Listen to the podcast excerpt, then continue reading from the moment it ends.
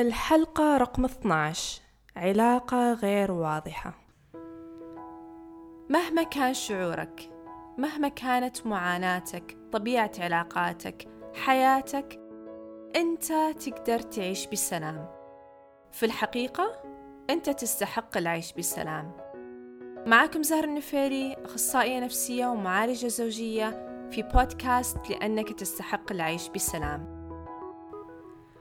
أهلا وسهلا جميعا فيكم أعزائي المستمعين يا ربي تكونوا بخير.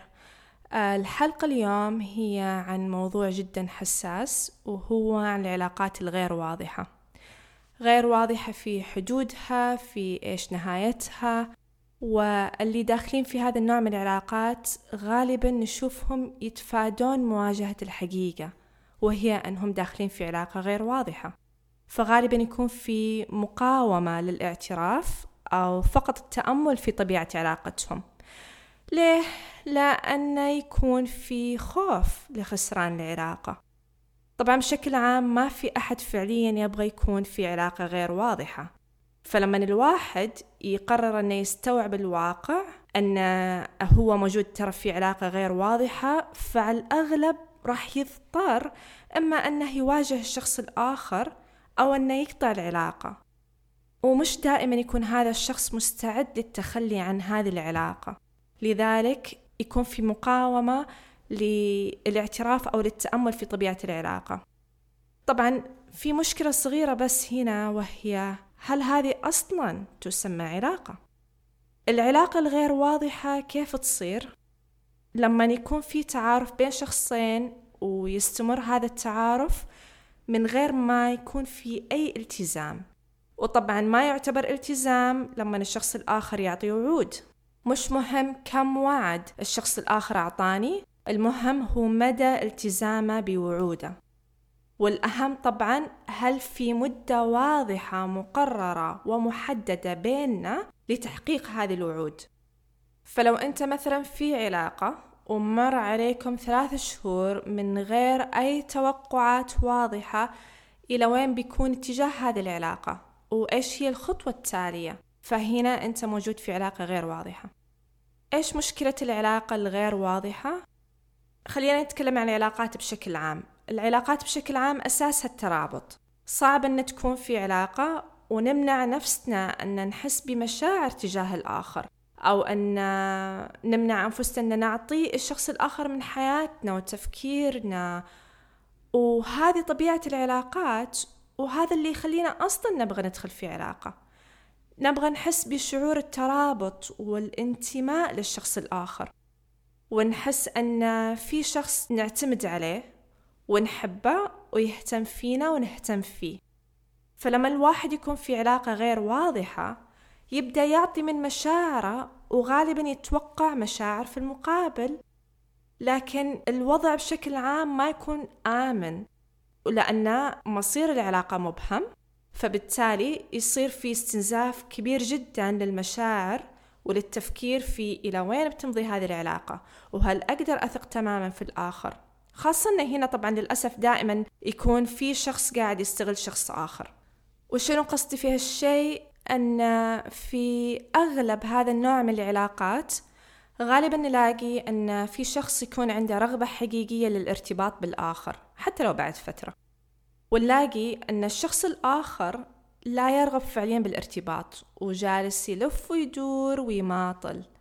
وهذا الشخص يستغل الأول إما بعاطفة أنه يستغله عشان مثلا يسد له حاجاته العاطفية سواء بحب أو حتى تواصل وكلام أو يستغله بعلاقة جنسية. وهذا طبعا غالبا يكون بتدرج جدا بطيء. لذلك نحس في هذا النوع من العلاقات بشكل عام أن ما يكون فيها شعور بالأمان ولا يكون فيها شعور أو رغبة بالثقة بالآخر يعني يكون في تردد من هذا النوع. ف لجميع من هم في علاقة يدرون أنها غير واضحة أو مش متأكدين هل هي واضحة أو غير واضحة.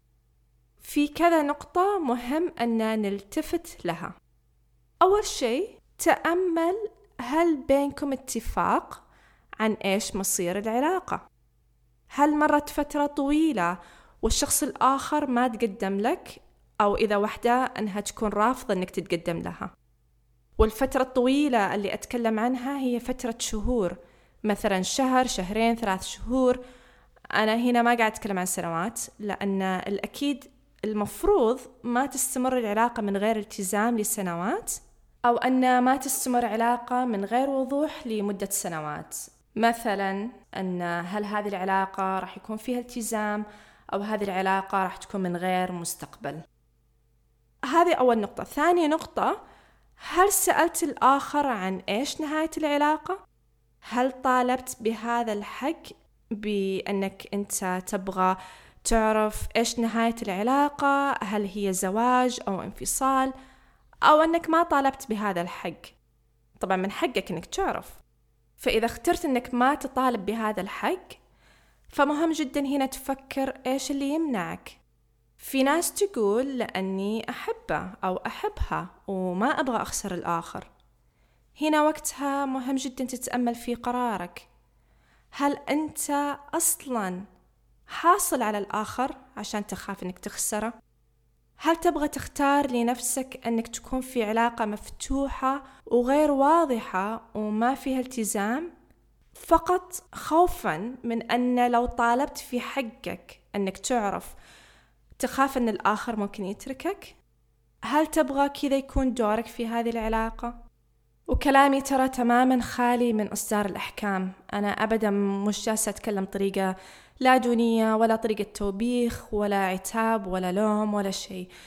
الهدف هنا فقط أن ألقي ضوء على هذه النقاط عشان الواحد لو قرر فعلا أنه يستمر في علاقة غير واضحة أنه يكون فاهم وواعي لقراره ومدى تأثير هذا القرار على حياته.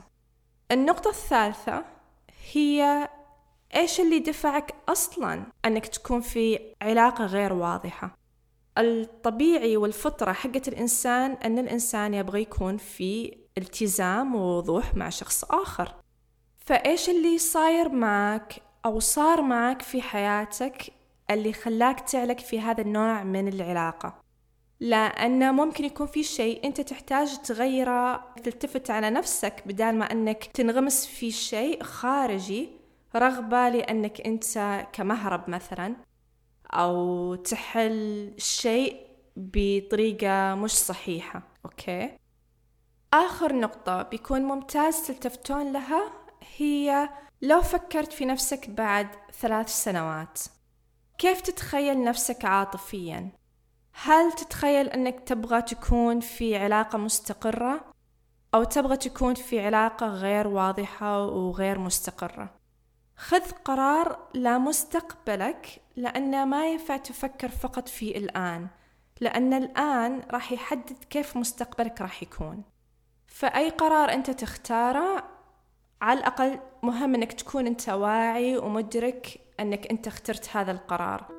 هذه نهاية حلقة اليوم. أتمنى أنها تكون مفيدة. شكرا لسماعكم جميعا ومع السلامة.